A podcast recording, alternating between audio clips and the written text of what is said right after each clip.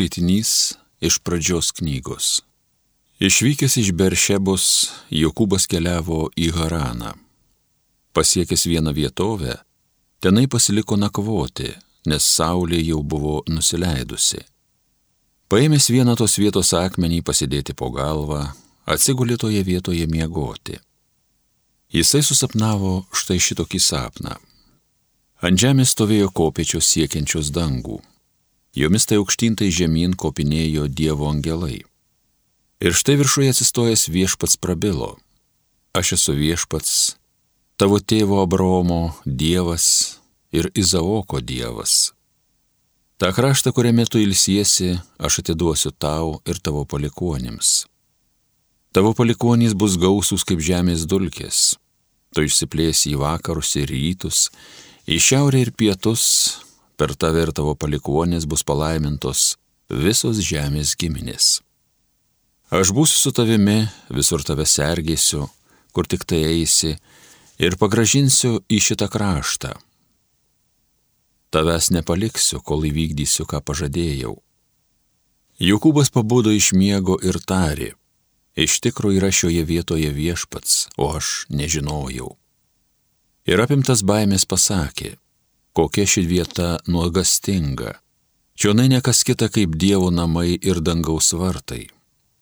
Pakilęs anksti rytą, Jokūbas paėmė akmenį, kurį savo buvo pasidėjęs po galvą, pastatė jį kaip paminklą ir užpylė ant jo aliejaus.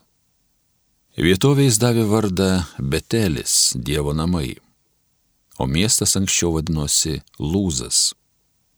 Jokūbas padarė šitokį įžadą Jei Dievas bus su manim ir sergys mane šiame kelyje, kuriuo aš einu, jei duos man pavalgyti duonos ir apsirengti drabužių, ir jeigu aš sveikas sugrįšiu į tėvų namus, tai viešpats te bus mano Dievas, o šitas akmuo, kurį pastačiau kaip paminklą, te būna Dievo namai.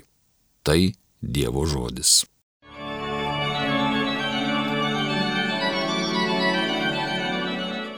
Tavim mano Dieve viliuosi. Žmogau, kurie aukščiausias globoja, kuris gyveni visagalio pavėsį, viešpačiai tarki, o mano Dieve, prieglopsti mano tvirtovę, tavim aš viliuosi. Tavim, mano Dieve, viliuosi. Jis tave gelbi nuo medžiotojų kilpos ir nuo mirtį nešančio maro, tave jis dengs savo plunksnom, po jos sparnais tu slėptis galėsi. Tavi mano Dieve viliuosi. Kad glaudžia žmogus prie manęs, tai jį išvaduoju, aš apginu jį, kad jis mano vardą pažįsta. Kai jis mane šauksis, aš jį išklausysiu, sielvarte su juo drauge būsiu. Tavim mano Dieve viliuosi.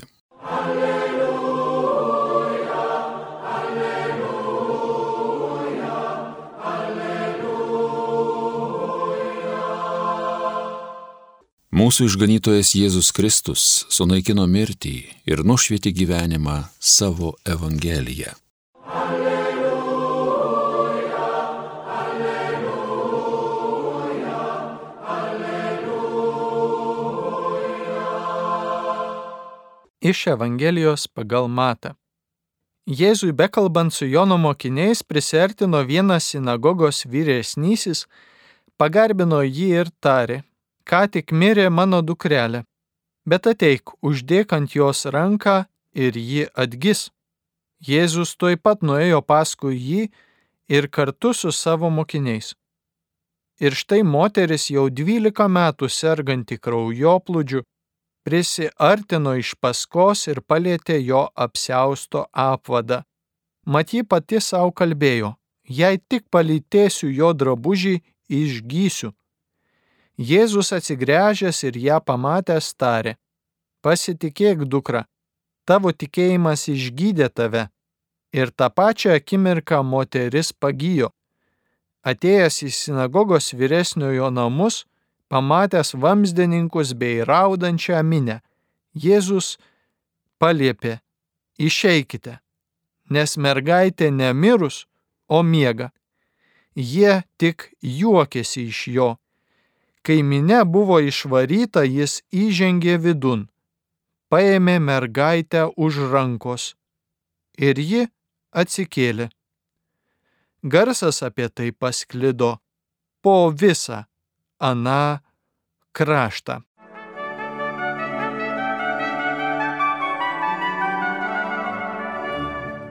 Mėlyjeji, šiandienos geroji naujiena, šiandienos Evangelija mums byloja apie Dievo galę. Dievo galę prikelti žmogų gyvenimui. Ir mūsų tikėjimą šią jo gale. Matome, kad Jėzus sutinka sinagogos vyresnįjį, kuris ateina pas jį, pagarbina jį. Pirmiausia, garbina Jėzų, tikėdamas ir suvokdamas, kad jis yra visagalis Dievo sūnus. Ir tada taria, kad mirė mano dukrelė. Tėvas ateina pas Jėzų dėl savo mirusios dukrelės. Galima įsivaizduoti jo sielvartą, jo skausmą, ką tik mirė jo dukra, maža dukrelė. Ir jis prašo Jėzau, bet virš visko aš tikiu tavo gale prikelti iš mirties. Ir Jėzus atliepia šiam tikėjimo žmogui, kuris ateina pas jį. Jėzus atliepia ir atėjęs į namus elgesi, galima sakyti, įžūliai. Jis a, drąsiai žengia ir sako, kad ji nėra mirusi. Mėlyjeji, Dievo žvilgsniu miręs žmogus nėra miręs. Dievo žmo, žvilgsniu miręs žmogus yra, kuris yra nuo jo atsiskyręs, kuris yra jį atmetęs. Ir nesvarbu, ar gyvendamas kūne, ar iškeliavęs į amžinybę. Ir netgi Dievas turi galę sugražinti mus į gyvenimą. Ir ką mums byloja ši Evangelija šiandien, ir tai, kad daugybė žmonių išgirdę, kad Jėzus sako, jog ji yra gyva, kurie laidotuvės rauda, ruošiasi palaidoti šią mirusią mergaitę, kuri akivaizdžiai ir visiems matoma yra mirusi. Ir štai Jėzus taip ateina ir visų tarpe sako, ji nėra mirusi, ji yra gyva. Dievo žvilgsniu ji yra jau dabar prikeliama arba prikelta gyvenimui ir viešpats įvykdo tą savo prikelimo iš mirties dovaną, kurią suteikia šiai mergaitiai. Ir taigi Jėzus iš Jėzaus šaiposi, iš jo tyčiojasi, kas tu čia toks, kad tu dabar atėjai ir čia sakai, kad dabar nėra mirus, ar ne, nu, atėjai pasišaipyti, ar kaip čia dabar. Ir viešpats vis tik išvėja visus ir prikelia iš mirties šią mergaitę. Taigi, ką tai mums byloja? Jeigu šiandien paklaustumėm tikinčiųjų taip nuoširdžiai, nuoširdžiai, ar tikrai tikime mūsų mirusiųjų prisikėlimu? Ar tikrai tikime, kad mūsų kūnai, kurie miršta, iš tiesų yra uh, atsigula poilsiui prisikėlimo dienai ir Dievas mus prikels iš mirties? Mat mirusiųjų prisikėlimas yra ašis mūsų krikščioniško tikėjimo, kurio centras yra paties Jėzaus Kristaus prisikėlimas po jo nukryžiavimo ir iš jo prisikelimo plūstanti jėga, kuri paskutinėje dieną, Jėzaus sugrįžimo į šią žemę dieną, taps gale į visus mirusiuosius juos prikeliant iš mirties į gyvenimą ir į amžiną gyvenimą. Taigi Dievas yra numatęs atkurti visą mūsų prisikėlimo dienai. Ir galbūt šiandien, kada viešai kalbame apie mirusiųjų prisikėlimą, taip pat atsiras nemažai tų, kurie šaipysis ir sakys, to, kaip apaštului Pauliui pamokslaujant kažkuriam tai artimuosios Azijos kraštuose. Iš jo šaipėsi ir sakė, apie šitai pasiklausysime e, kitą kartą, ar ne? Mirusiųjų prisikelimas, pasakos tokios. Bet tai yra tikrovė, egzistencija yra tikrovė, žmogaus gyvenimas yra amžinas ir mes esame prisikelimo vaikai. Ką tai liudija mums apie mūsų kūnus? Pirmiausia, liudija apie tai, kad mūsų kūnai yra gėris, kad mūsų kūnai yra malonės indai. Šiais laikais pasklidę įvairiausių neteisingų įsitikinimų apie žmogaus kūną. Dalis jų ateina iš a, įvairiausių budistinių ir hinduistinių filosofijų, kurios savo tiksliai ir esmėje yra destruktyvios žmogaus prigimčiai ir santykui su Dievu, kurios niekina žmogaus kūną, jo poreikius ir jo žmogiškąją būti, žmogaus prigimti, ją neigdamas ir sakydamas, kad kūnas yra blogis arba visų blogio dalykų šaltinis. Mėlyjeji, ne kūnas yra blogio šaltinis, bet dvasia žmogaus gali tapti šėtoniška ir bloga, bet kūnas yra geras. Jis gali tapti Dievo žygdarbių ir meilės įrankių šiame pasaulyje. Ir jis gali tapti destruktyvios blogio dvasios įrankiu taip pat šiame pasaulyje. Tad kūnas yra Dievo sukurtas, jis yra geras, jis yra mums dovana. Kūnas yra mum, mūsų šventykla, šventovė šventosios dvasios, kuri mumise gyvena. Kvieskime šventąją dvasę į savo kūną, kad pirmiausia mūsų gyvenime Dievas mus vis labiau atgaivintų šventąją dvasę ir padarytų jo prisikelimo dalininkus jau čia gyvenime. Nes Jėzus kalbėjo, kas mane tiki, tą aš prikelsiu paskutinėje dieną. Dar Jėzus kalbėjo, kad Jėzaus dvasia ar aš tą prikelsiu, kuris priims mano šventąją dvasę ir šventoji dvasia bus tas laidas, kuris atnaujins ir atgaivins. Dvasia, kuri dvelkė žmoguje, kuri jau buvo provaizdis to būsimo prisikelimo veikiančio žmoguje, ir taip ir po to Dievas prikelia savo darbą žmogaus kūne įvykdytą. Būtent šiuo būdu katalikų bažnyčia gerbė, ypatingų būdų pagerbė mirusiųjų relikvijas, jų kūnus. Mat, tose kūnuose šventųjų ir palaimintųjų, kurie gyvendami kuriuose galingai veikia Dievo meilės gale ir šventoji dvasia tame, tose kūnuose žmonių, kurie gyveno žemėje, tas dvasios dvelgsmas arba palaiminimas tarsi sklinda nuo to kūno, kuris skirtas amžinai šloviai pas Dievo laikų pabaigoje. Ir todėl krikščionys meldžiasi prie mirusiųjų šventųjų kūnų, kaip, na, tokio, sakykime, sustiprinimo maldos mūsų santykiui su Dievu.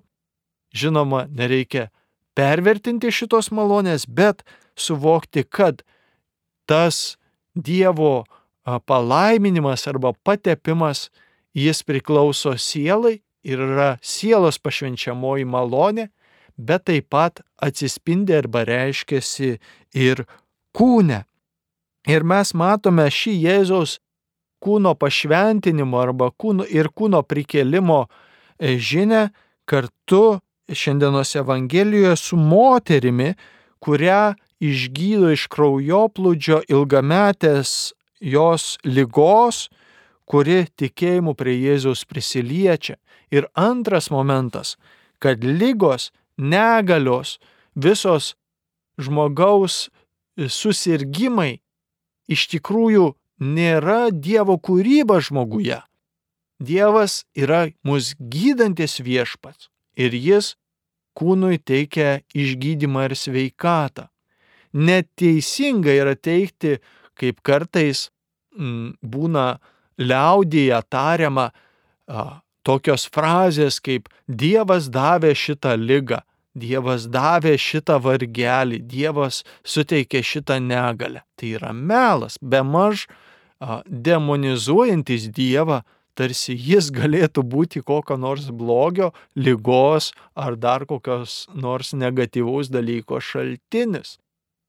Dievas yra mūsų gydantis viešpats ir vis tik, jeigu ir neišgyjame ar dėl mūsų tikėjimo stokos, ar dėl kitų priežasčių, dėl ko Dievas nesuteikia šitos malonės, kitaip sakant, gerdamas arba mūsų laisvą valią, arba būd esant aplinkybėms, dėl kurių jis neįsikiša savo gydančią malonę, nes taip yra geriau mūsų arba gyvenimui, arba išganimui, jeigu ir neišgydo, bet tas tikėjimas Dievu ir labiausiai mūsų sielų išgydymu, kuris yra mūsų kertinis ir svarbiausias.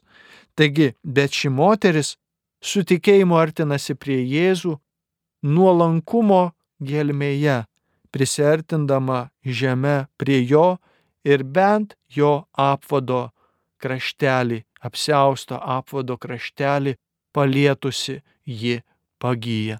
Taigi matome tas nuolankus tikėjimas. Viešpats turi malonę mums. Viešpatie suteik mums tokios nuolankios ir prie tavęs besiartinančios, savo vargus pakeliančios ir kantriai pakeliančios tikėjimo malonės dovana. Nes ši moteris daugybę metų prieš pagėdama sirgo ir kentėjo. Ir ji kentėjo kantriai ir nuolankiai, ir neburnodama prieš Dievą, ir nesakydama, kam man dabar taip skirta viešpatie čia taip ir taip, kodėl tu gali tai leisti. Bet nuolankiai tiesiog gyvendama tuo, kas yra. Ir šis nuolankumas taip pat pašventina, taip pat ugdo, taip pat kilnina sielą ir su, su galima sakyti, priartina prie Dievo, nes žmogus savo mažume susitinka Dievą. Ne didybėje, ne pasiekimuose, ne laimėjimuose, bet savo mažume žmogus sutinka Dievą. Ir visai kaip Jokubas, kuris turėjo šitą regėjimą ar sapną apie tas kopečias į dangų, kurios tam tikroj vietoj, tarsi Dievas jam parodė, yra suteikiamos. Tai tos kopečios į Dievą yra ne mūsų darbai kažkokie, kuriais mes tarsi nueitume į dangų. Ir taip, kopečiomis kopti reikalinga, jeigu yra kopečios, jomis reikia kopti. Tai yra mūsų dalis. Bet tos kopečios yra Jėzus Kristus. Tad, mėlyjeji, jis yra šaltinis, mūsų pirkėjas ir jis yra mūsų tikslas. Ir tik per Jėzų, kuris yra mūsų išganimo kopečios, mes įžengėme į dangų. Taip, turime dėti pastangas, turime a, perlipti per save, paneigti savo egoizmą, savo išdidumą, savo norą susireikšminti ir savo norą statyti save kaip gyvenimo centrą ir e, tarsi mes iškovojame tą krikščionišką kovą, bet tai nėra mūsų nuopelnas. Jėzus Kristus savo mirtimi ant kryžiaus suteikia mums išganimą ir malonę tam gyvenimui, kuris pagal jį per šventąją dvasę, per tą prisikėlusiojo atsimainimą mumyse.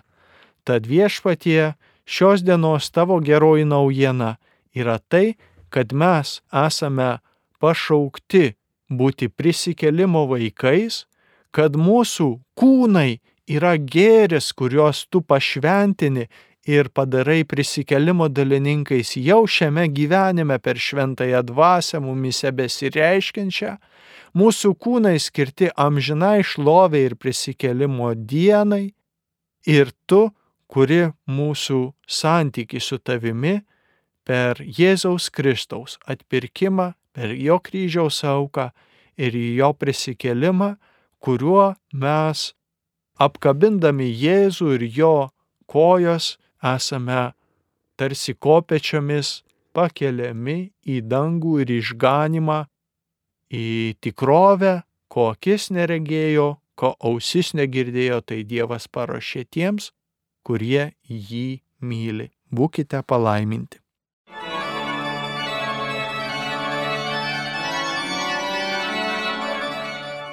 Homilija sakė kunigas Andrius Končius.